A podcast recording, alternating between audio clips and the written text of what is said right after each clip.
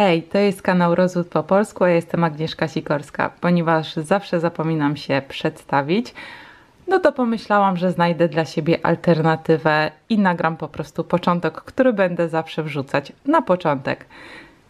Ponieważ e, jestem zwolennikiem dobrowolności, ciężko jest mi prosić o subskrypcję, dlatego zrobię to raz. E, I mam nadzieję, że jeśli kanał Wam się będzie podobać, a treści na nim zamieszczane będą dla Was przydatne lub dla Waszych znajomych, to bardzo proszę o zasubskrybowanie go teraz. Dziękuję. Witajcie. Dzisiaj w Rozwód po polsku poruszymy temat kontaktów rodziców z dziećmi podczas rozwodu. Takie, e, takie kontakty są częścią porozumienia rodzicielskiego, które jest nieodzowną częścią z kolei pozwu rozwodowego w przypadku, jeśli mamy wspólne małoletnie dzieci. A Taki, takie porozumienie powinno innymi zawierać e, sposób tego, jak dzieci będą kontaktować się z danym rodzicem e, czy z danymi rodzicami i stanowi to takie zabezpieczenie dla dzieci, ale także dla jednej i drugiej strony postępowania, żeby te kontakty były w sposób uregulowany, żeby jakby nie dopuszczać e, sytuacji, gdzie będziemy się przerzucać dziećmi i te dzieci z, będą tą przysłowiową, brzydką kulnią, kulą armatnią w naszej wojnie. E, czy zawsze trzeba e, taką listę kontaktów e, dostarczać do sądów w pozwie rozwodowym? No nie zawsze. Możemy też napisać w pozwie, że dogadujemy się między sobą co do dzieci i prosicie sąd o odstąpienie tutaj od takich regulacji, dlatego że Wasza współpraca na tym polu jest tak doskonała, że nie ma sensu tego regulować. No i teraz pytanie, czy aby na pewno? Zwracam na to uwagę, ponieważ sytuacje są różne. Tu i teraz, dzisiaj, właśnie w tym momencie dogadujemy się w sprawie dzieci. Jest między nami dobrze, jakby nie przewidujemy, żeby coś miało się zmienić. Ale wydarzyć się może wiele rzeczy, między innymi, i takie sytuacje e, się zdarzają, i ja też miałam z nimi gdzieś tam styczność, więc o nich mówię. Kiedy My się dogadujemy, między nami jest wszystko w porządku, ale za pół roku nasz były mąż albo nasza była żona będzie miała nowego partnera. I wtedy nasz były mąż, gdzieś tam jest jeszcze niepogodzony z obecną sytuacją, będzie robił nam problemy. I odwrotnie, jeśli e, nasz mąż e, za pół roku czy za rok znajdzie sobie nową partnerkę, a my nie będziemy pogodzone z daną sytuacją, no to też jest jakieś prawdopodobieństwo, że w tym momencie zacznie się um, taka wojna znowu emocjonalna z wykorzystaniem niestety dzieci. Więc żeby ograniczyć sobie tych takich przykrych sytuacji, warto te kontakty regulować od samego początku, nawet jeśli miałoby nam się to nie przydać. Pamiętajcie, że porozumienie jest w przypadku nieporozumienia a w momencie, kiedy y, mamy porozumienie między sobą, to to porozumienie niech zostanie spisane, niech leży, niech się nie przyda, ale w razie czego niech będzie. Dlatego, że w przyszłości, jak będziecie chcieli e, zrobić uregulowanie kontaktu w momencie, kiedy nie macie w ogóle tego, tej regulacji, no to to może być dosyć długi okres oczekiwania, no bo to oczywiście zależy od tego, jak obłożone są sądy. Więc e, na to uczulam, zwróćcie uwagę, być może to, co ja teraz do Was powiedziałam, ma sens, a może nie ma. E, nie wszystkim to musi pasować, ale z własnego doświadczenia wiem, że lepiej takie zapisy posiadać. E, co powinno, na co powinniśmy zwrócić uwagę, wypisując sobie takie, takie kontakty w porozumieniu rodzicielskim? Pozwólcie, że sobie zajrzę do notatek. Na co? Na to, w jaki sposób te kontakty będą y, wyglądały, czyli musimy wziąć pod uwagę, y, w które weekendy będzie się widywał tata albo mama, w zależności oczywiście przy kim dzieci będą.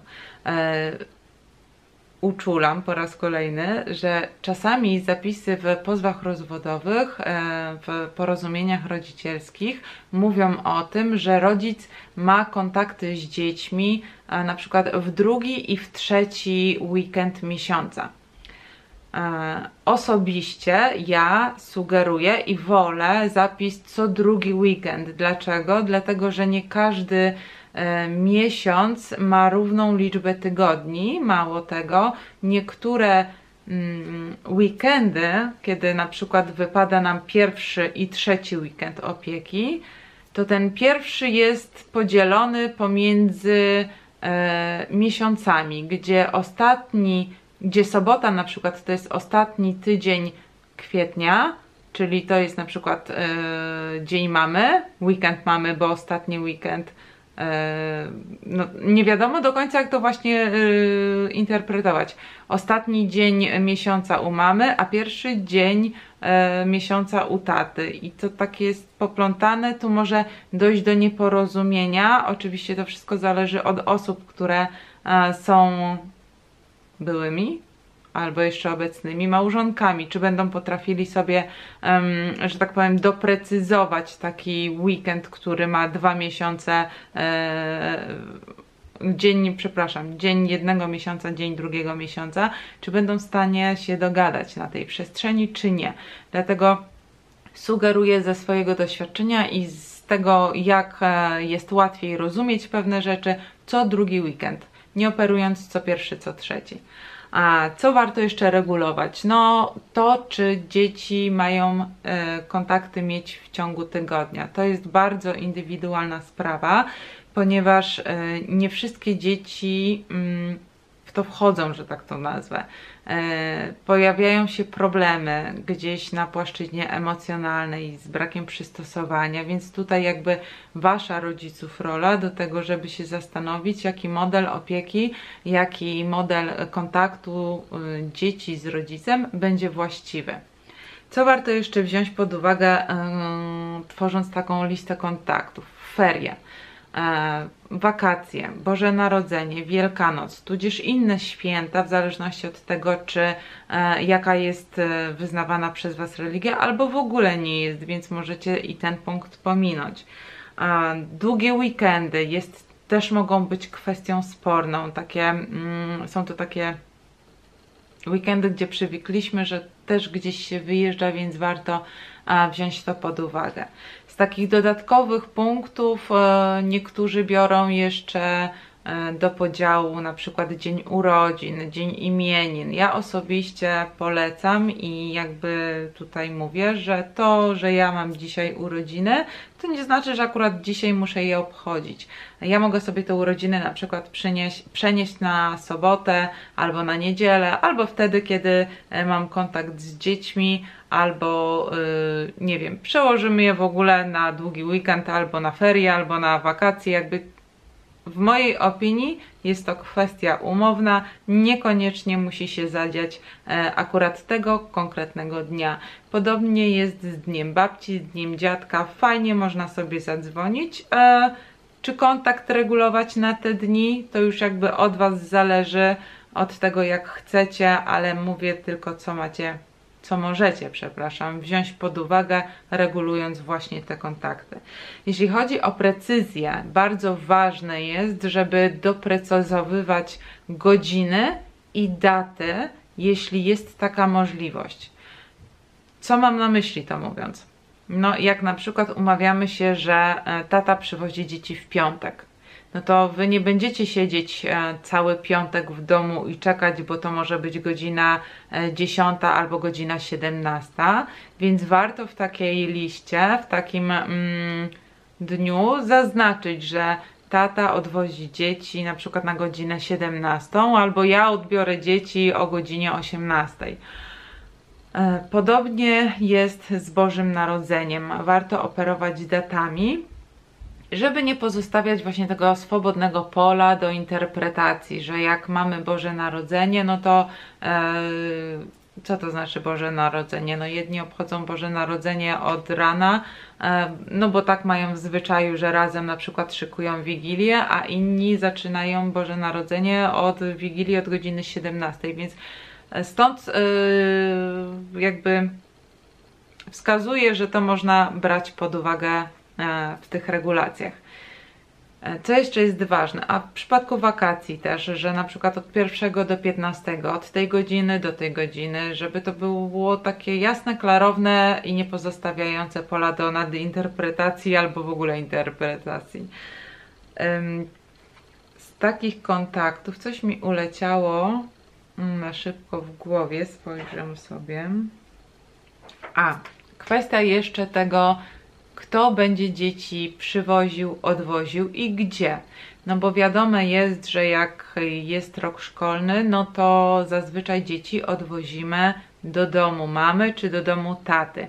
W przypadku, kiedy mamy ferie, albo kiedy mamy wakacje, albo jest czas wolny od szkoły, to warto zapisać, że dzieci będą odwożone do, do miejsca zamieszkania albo do umówionego wspólnie miejsca, no bo to może być na przykład, nie wiem, u babci, u dziadka, e, u jednego rodzica, albo u babci, u dziadka, u drugiego rodzica, w zależności gdzie akurat e, ferie na przykład będą spędzać. Mm. Dlaczego o tym mówię, to jeszcze raz przypomnę, że e, no, warto być ubezpieczonym na tak zwany wszelki wypadek. Niestety idąc do rozwodu, jakby mm, musimy się liczyć z tym, że będzie dużo emocji. Jeśli nie będziemy sobie w stanie radzić z tymi emocjami, albo jedna osoba w małżeństwie będzie chciała, próbowała się dogadywać, ale z drugiej strony będzie taki duży opór albo niechęć do, do, do dogadywania się, to wtedy mm, to powinno zostać uregulowane w taki skonkretyzowany właśnie sposób, żeby zaoszczędzić sobie e, i dzieciom takiej fali emocji i takiej niestabilności w, w tak, i tak trudnym czasie dla, dla nas wszystkich. Więc jeszcze raz zachęcam do przemyślenia, co warto uregulować, czy w ogóle regulować e, i jeśli macie pytania albo chcecie jakichś wskazówek dodatkowych, to zapraszam do kontaktu. A już na dzisiaj to chyba wszystko. Tak sobie spojrzałam na swoją listę i wydaje mi się, że tak. E, także zapraszam do oglądania pozostałych odcinków. O, dzisiaj będę pamiętała też, żeby Was zachęcić do subskrypcji kanału, będzie mi bardzo miło. E, a na tą chwilę ja już dziękuję. Do zobaczenia i pa pa!